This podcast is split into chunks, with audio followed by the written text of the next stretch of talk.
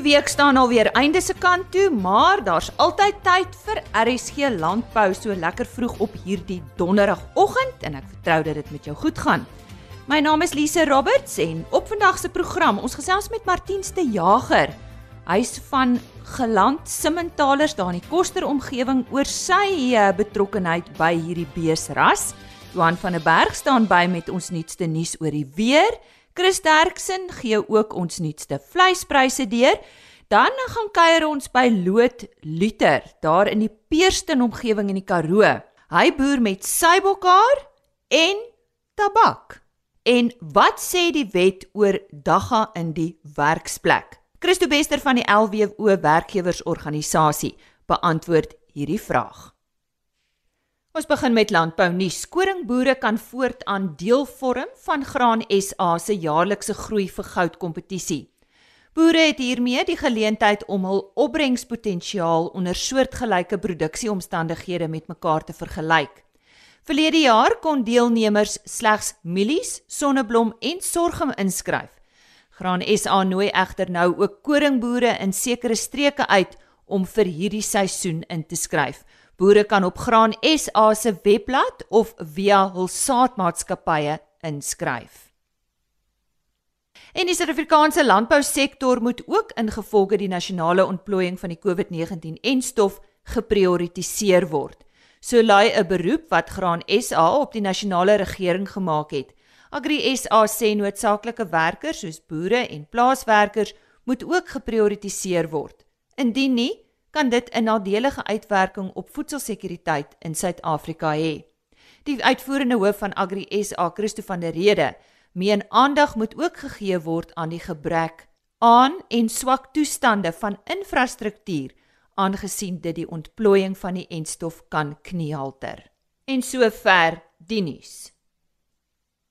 Ons sluit ver oggend eerste aan by Chris Derksen vir ons vleispryse en dit is pryse wat behaal is by veilinge in die Noord-Vrystaat. Pryse bly baie sterk met baie goeie aanvraag oor die totale spektrum. Is altyd interessant om te sien hoe duur boerbokke geword het. Die ernstigste probleem wat ons kan hê is die bekkenkluiseer uitbraak in Natal wat as dit nie beheer word nie 'n totale gemors in die hele vleisbedryf sal veroorsaak. En ons hoop almal dit gebeur nie. Maar ek gee vir julle die presiese pryse. Beenkalvers onder 200 kg het gegaan vir R43.07 per kilogram lewende gewig. Van 200 tot 250 kg R39.88 en oor 250 kg R37.42. A-klasse was R28.13 B-klasse R25.17 en vetkoeie het gaan vir R23.61 per kilogram lewende gewig. Markkoeie het gewissel van R18 na R21 per kilo lewendig as gevolg van hulle kwaliteitsverskille en slagbulle was R24.51. Vanaf die skaapmark stoor lammetjies R52.50, slaglammers R43.56, stoorskape R34.25 en vetskape R32.77 per kilogram. En vanaf die dokmark, lammetjies baie mooi prys van R56.98 en ooe R39.38 per kilogram. En soos ons altyd vir julle sê, as jy wil tussenin kyk vir vleispryse, gaan na www.vleisprys.co.za of na Twitter by vleisprys of skakel ons enige tyd by 08280 75961. Baie dankie. Soos altyd op sy pos met ons vleispryse, so sê Chris Derksen en hulle webtuiste net weer is www.vleisprys.co.za. Ons gaan kuier nou saam met ons medewerker daar in die Oos-Kaap, Karen Venter in die Karoo. Goeiemôre luisteraars. Ek het ver oggend baie vroeg opgestaan en die bakkie se neus in 'n noordwestelike rigting gedraai op pad na na Jansenwil se wêreld toe en net voor Jansenwil het ek die Waterford afdraai geneem wat my op die ou end uitgebring het by Bloukraans en dit is waar Loot Liter boer. Hulle woon op 'n koppie en hulle het 'n pragtige uitsig al is dit ook baie droog op hierdie stadium. Nou ja Loot, ek voel baie bevoorreg om vandag hier by julle te wees. Hallo Karen. Jo, ek is baie bly jy kon jou weg oop sien in hierdie stowwerige pad op pad na Bloukrans toe. Baie welkom. Ek boer sedert in die 84. Die omgewing het definitief verander as gevolg van droogtes en klimaatsverandering. Ek moes daarbey aanpas en het gediversifiseer met ander vertakkings te begin. Ek is hoofsaaklik 'n seibokhaar boer en het ook besproeiing. Nou een van jou boerdery aktiwiteite is tabak hier in die Einste Oos-Kaap. Jy het al vroeër vir my vertel dit gebruik baie min water en dat oestyd alreeds binne 16 weke kan plaasvind. Hoe het jy op hierdie gedagte afgekom? Ek het 'n artikel gelees waar Louis Trigger, 'n latere groot leier in die groot trek tabak op Somerset Oos geplant het. Ek het gedog, waarom nie in Peerste nie? Ek koop plantjies en plant dit op drupperlyne wat baie min water gebruik. Ek het 'n tweedehandse tabakskuur gekoop en dit kom oprig by my waar die tabak hang. Oestyd is net na my skee in Februarie van die Angora bokke en dan duur dit gewoonlik so 2 weke. Om tabak te plant teken jy 'n kontrak met 'n tabakhandelaar waaronder onder ek my Universal Tabak plant waar hulle vir jou kontrakprys gee. As jy nie tevrede is met die pryse nie, moenie tabak plant nie want dan kan jy dit miskien tot 'n verlies lei. Die opbrengs per tabak is min of meer tussen 3.2 ton na 4 ton. Dit bring naaste by 'n netto inkomste van ongeveer tussen 80 en 100 000 rand per hektaar. Ek kan vir meer mense aanbeveel in die Karoo. Wel, ek weet nie of julle sal saamstem nie, maar dit klink vir my asof die tabakproduksie gogga verloot liter lekker gebyt het hier in die middel van die Karoo en dan behalwe vir die feit dat jou seibokhaar produksie nog altyd die hoofvertakking van jou boerdery is, loot het jy ook intussen begin om as agent vir mede seibokhaar produsente op te tree. Wat presies behels dit? 'n Bietjie meer as 'n jaar gelede het ek saam met hom Wessel Cornelis wat jare ondervinding in die bokkerbedryf vir besigheid begin waar ons bokker namens produsente hanteer. Ons wil graag 'n vrye mark in die bokkarbedryf hê. Ons wil waarde toeg vir bokker sodat die produsent meer daaruit kan kry. Bokkar is absoluut 'n unieke vesel en ek dink daar lê 'n groot toekoms in dit. Loot en dan nou net so op 'n laaste trant, het jy enige raad aan iemand wat daarin dink om te diversifiseer? As jy diversifiseer, moet jy goed beplan. Diversifiseer sodat jou bedryfstakke mekaar bots nie. Ek glo aan die wet op dalende meer opbrengs. Moenie bedryfstakke afskeep ten opsigte van van mekaar nie en baie belangrik volhard in die bedryf. Daar is baie geleenthede in die landbou. My seun Mike het ook nou met 'n skeerdiens begin. Dit sal eendag 'n groot bydrae tot ons besigheid bring. Daar is 'n mark daarvoor.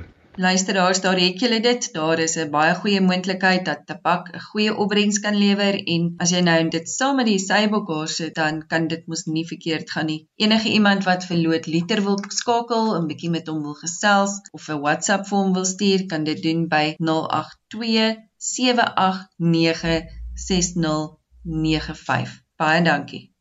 En so sê Karen Venter. Werknemers wat vir diens aanmeld onder die invloed van dagga, drank, dwelms en uh, verwante middele is 'n groot probleem vir werkgewers. Die gebruik van dwelms beïnvloed die visie, spraak, koördinering en reaksietyd van 'n werknemer. Ons dink maar aan landbou waar talle werknemers met masjinerie werk of 'n voertuig bestuur en wat onder die invloed van hierdie soort dwelm is hou 'n hoë risiko in aan die werkgewer, hulle self en natuurlik hulle kollegas. Ons gesels vandag met Christo Bester. Hy is bestuurder regsdienste by die LWO werkgewersorganisasie. Christo, kom ons vra die vraag: Is dagga wettig in die werksplek?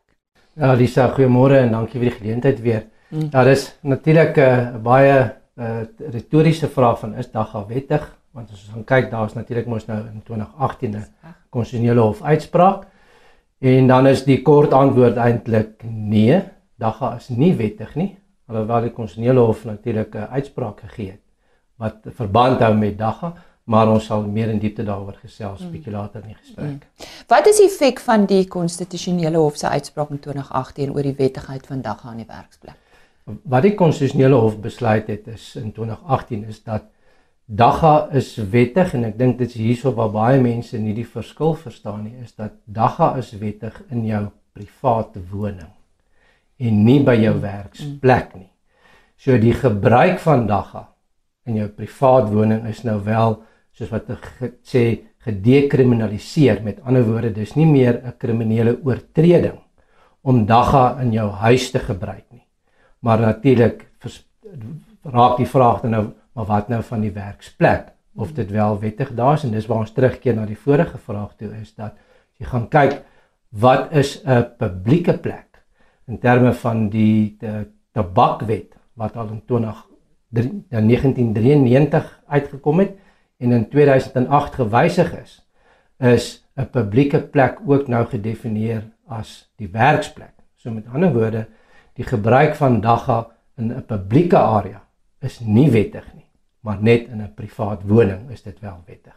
Maar is 'n werksplek word dit nie gesien as 'n privaat area nie? Glad nie, die die wet het spesifiek die definisie van 'n publieke plek uitgebrei om 'n werksplek in te sluit. So met ander woorde, omdat die werksplek uh enige publiek toegang het tot die, tot jou werksplek, word dit nie geag 'n privaat woning te wees nie of 'n private plek te wees nie. Mm. En derhalwe is 'n werksplek nie uh, gebruik van dagga toelaatbaar nie. So kan werkgewers enige iets voorkomend doen om dagga aan die werkplek te beheer. As verskeie middele natuurlik, ek dink die die eerste beginsel of die eerste stap wat geneem moet word is dat 'n werkgewer wanneer hy 'n werknemer 'n onderhoud mee voer om te besluit maar moet ek so iemand aanstel om hom baie duidelik te maak dat die gebruik van dagga, gebruik van dwelms nie in die werksplek toegelaat word nie want die wet bepaal dit eerstens en tweedens natuurlik ook omdat dit 'n inherente werksvereiste kan wees. Om te sê maar selfs al gebruik jy dagga in jou privaatheid dat uh, die besit van dagga in die werksplek nie wettig is nie.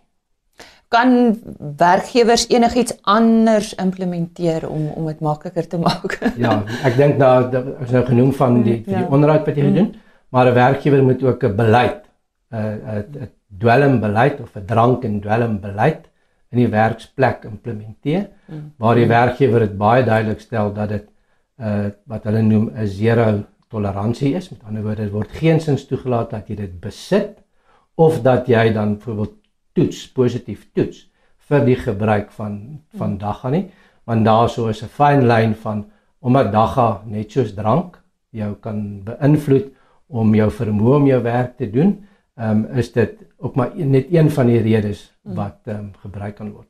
Natuurlik ook moet die werkgewer hierdie reëls wat hy het, moet hy baie duidelik afdwing, konsekwent tussen al die werknemers en nie net omdat hy nie van iemand hou nie. Ons het vroeër gepraat oor die oor die hof uitspraak. Is daar enige aanduiding wanneer wetgewing verwag kan word? Ja, wat die konstitusionele hof vir die regering gesê het, hulle moet binne 24 maande moes die regering 'n wet daar gestel het mm. om um, natuurlik dagga vir privaat gebruik uh, te reguleer. Daar's wel 'n wit skrif soos wat ons dit noem um, uitgegee in September 2020 waar die publiek natuurlik kan kommentaar lewer op die die voorgestelde wetgewing en regulasies en hoe dit beheer word gegee word. En nou tydelik heidaglik is hulle besig in die finale fase. So dit ehm um, die aanduiding is dat hierdie wet eers in die 2022-23 finansiële jaar as dit so kan noem geïmplementeer gaan word. Want daar's nog baie natuurlik nou uh mense wat teen die wet gegaan het van van sekere van die regulasies en daar's baie mense wat sê maar dit is 'n goeie wetgewing. So hulle is besig aan die evaluasie fase, maar ons voorsien eintlik eers dat dit in volgende jaar uh, die wet in werking sal tree. Christo baie dankie. Altyd 'n plesier, dankie. Christo Wetser van die LWO werkgewersorganisasie wat vandag met ons gesels het oor dagga in die werksplek. So voor 'n naweek is dit altyd belangrik om te weet wat met die weer gaan gebeur. Ons sluit daarvoor aan by Henny Maas. Johan, uh, as ek nou vir jou sê is 'n koue winter, uh, wat sou jou vraag aan my wees? Ja, die vraag is wat wat is 'n koue winter? Ehm um, Uh is dit lae nagtemperature? Is dit lae dagtemperature?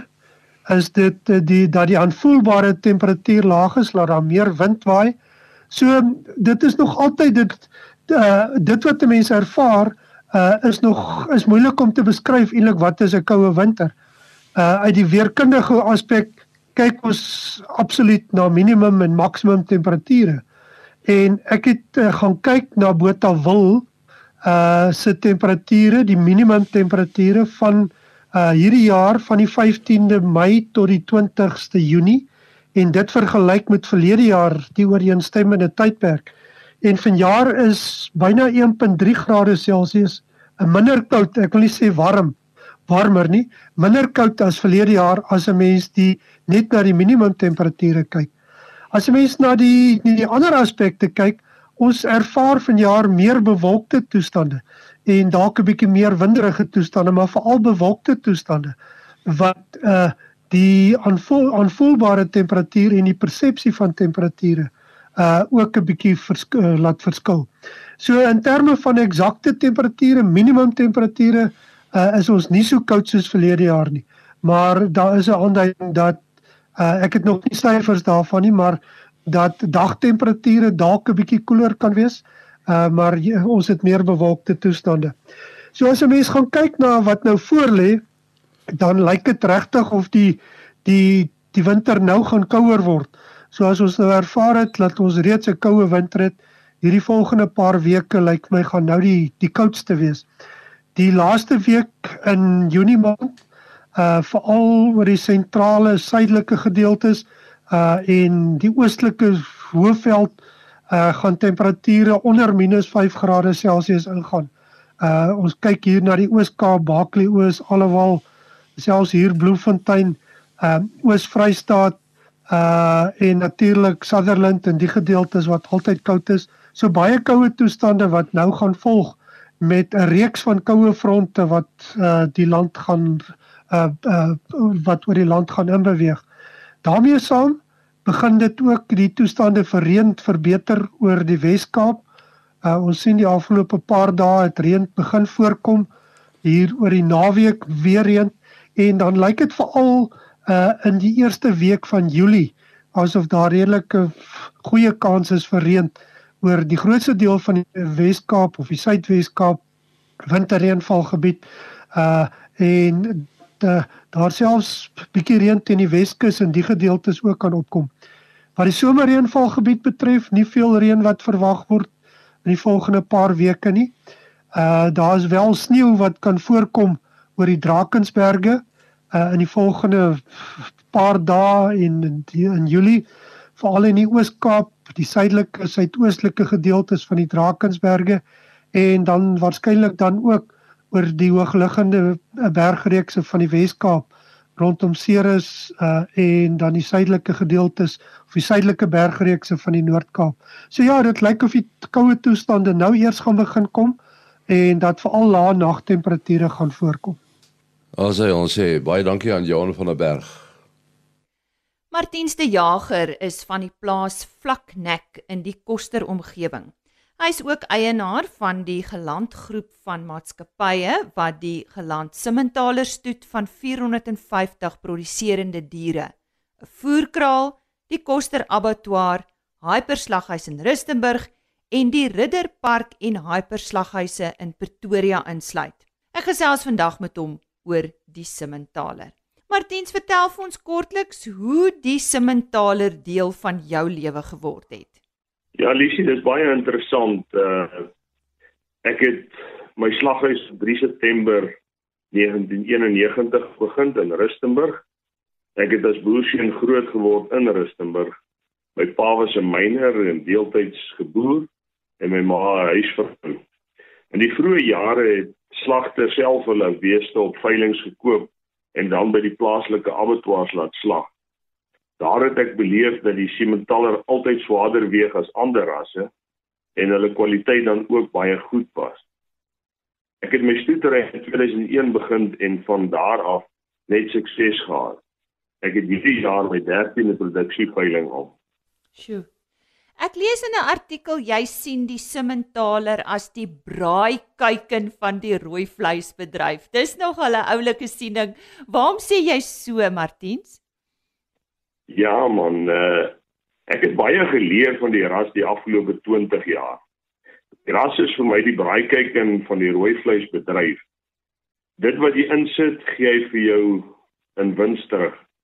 Dit is een van die swaarste rasse Hy het van die beste voer omset en jy kan hom baie langer voer as die ander rasse. Daar is studies uh, gedoen wat beamoen wat ek nou gesê het. As 'n kalf kan speen teen 280 kg, dan is sy uh, vleiswaarde R11000 of sy kalfswaarde. Die gebruik van vleis het die afgelope 30 jaar baie verander. In die vroeë jare het die huisgesin kwarte gekoop om sodoende hulle maand se vleis te verseker. Vandag is dit 'n rare verskynsel as iemand heel snitte koop.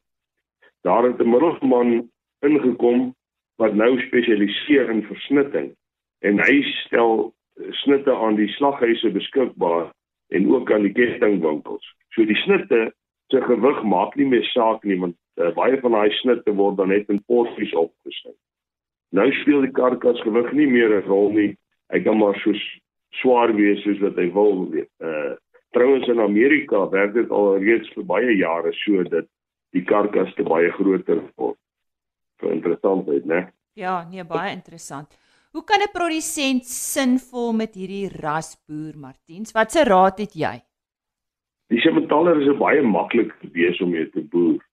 Hy is baie hanteerbaar. Hy het baie melk, is baie vrugbaar en dan speen hy baie swaar kalwers. Die kalwers groei uitstekend in die voerkraal. Hy is my nommer 1 keuse. 'n Goed bestuurde kalf kry altyd 'n premie by die by want hy word geweeg by die skaal en jy word volgens sy gewig betaal tog. Uh ek vergeet om te sê die Simmentaler is al oor die 120 jaar reeds in die land. Meneer Philip van Wielig het laasweek weer my beeste se dragtigheid gedoen en was die koeie 95% dragtig. Uh ek wil nog vir boere leer dat as jy as jou kalf swak speen, is dit jou skuld, nie die beeste nie. Ek doen deesdae kursusse hoe om sukses hoe om suksesvol te boer met jou simentallers sodat die wins na jou sak kan gaan. Ek het nou ook 'n Facebook bladsy onder Gilland Simentallers waar ons inligting beskikbaar stel. Jy glo daar moet meer op kilogramme vleis gefokus word as op stoetboerdery. Waarom sê jy so? Boere moet nog altyd baie goed vir sy besigheid kyk En vandag is dit soveel meer relevant. 'n Boer moet sorg dat hy sy waardeketting op sy plaas kan uitbrei. Vandag nog kry jy die plase ek sindroom. As die boer geld nodig het, verkoop hy. As jy beplan, weet jy wanneer uh jy kan verkoop en jy kan sekerlik dan jou geld sake beter bestuur. Die praatjie is te kort om alles te sê, maar kan boere enige tyd by my kom kuier en kan ons verder oor hierdie gedagte praat. My winsgewendheid word oor 4 jaar bereken. Dan is die impak van die beginvoorraad en die uitvoorraad baie klein en jou wins baie meer akkuraat. Ek kan met reg sê my boerdery wins is beter as wat dit in my slaghuise uh een in die groot handel is. Uh en dis 'n groot mond vol, maar uh dit is iets wat ek vandag kan bewys vir enige boer. Ons het altyd mentors in ons lewe nodig. Soos ewe die preek van grootpa vir my 'n uh, voorbeeld. Hy het my geleer hoe speen jy 'n kalf op 280 kg en hoe versorg jy jou bulle om jou sukses te bereken. Jy vra waarom jy op kilogramme fokus uh as eerder op stoet. Ons moet onthou dat ons 60% van ons teeling laat slag. Bulle en verse jy moet met hulle wins maak en hulle het nie 'n teelwaarde nie. Hulle het 'n skaalwaarde. Hier bewys hulle wat hulle werd is. So dit dis weer eens interessant dat die Simmentaler het juis uh, se vroulike dier groei net dieselfde as die manlike dier in die voerkraal. Martiens baie dankie. Ons gesels eersdaags weer met jou. Waaroor praat ons dan? Ja, volgende keer wil ek graag praat oor my veiling op Woensdag 21 Julie 2021 en ek sien baie uit daarna. Baie dankie. En so sê Martiens de Jager van Geland Simmentalers. Sy kontakbesonderhede is martiens by geland met 'n d.co.za of 'n selfoonnommer 0833 0633 0833 en dit is dan Martiens de Jager 0833 063304 En dis dan RSG Landbou vir vanoggend van ons kant af. Onthou, ons is dan weer maandagooggend terug om 5uur vir nog 'n aflewering van RSG Landbou. Volgende week gesels ons bietjie oor die katoenbedryf in Suid-Afrika. Ons praat met die 86-jarige Abraham Kreer van Toverberg Simmentalers oor uh, sy betrokkenheid ook by hierdie beesras, maar uh, soos ek sê, dis nie al nie. So onthou om volgende week weer by ons aan te sluit. Geniet die naweek en uh, die bietjie van die week wat voorlê. Net 'n webtuiste en e-posadres vir ons indien jy enige van die onderhoude misgeloop het en jy wil graag weer daarna luister of uh, kontakbesonderhede neerskryf. Dit is www.agriorbit.com. Kyk net bo aan die bladsy onder podcasts en daar is al die RSG landbouprogramme met die onderhoude afsonderlik gelaai. www.agriorbit.com Natuurlik die gewone RSG webtuiste, daar word die volledige program as 'n potgooi gelaai en 'n e-posadres rsglandbou@plaasmedia.co.za. Bly gesond en totsiens. RSG Landbou is 'n produksie van Plaas Media. Produksieregisseur Henny Maas Aanbieding Lisa Roberts. En inhoudskoördineerder Jolandi Root.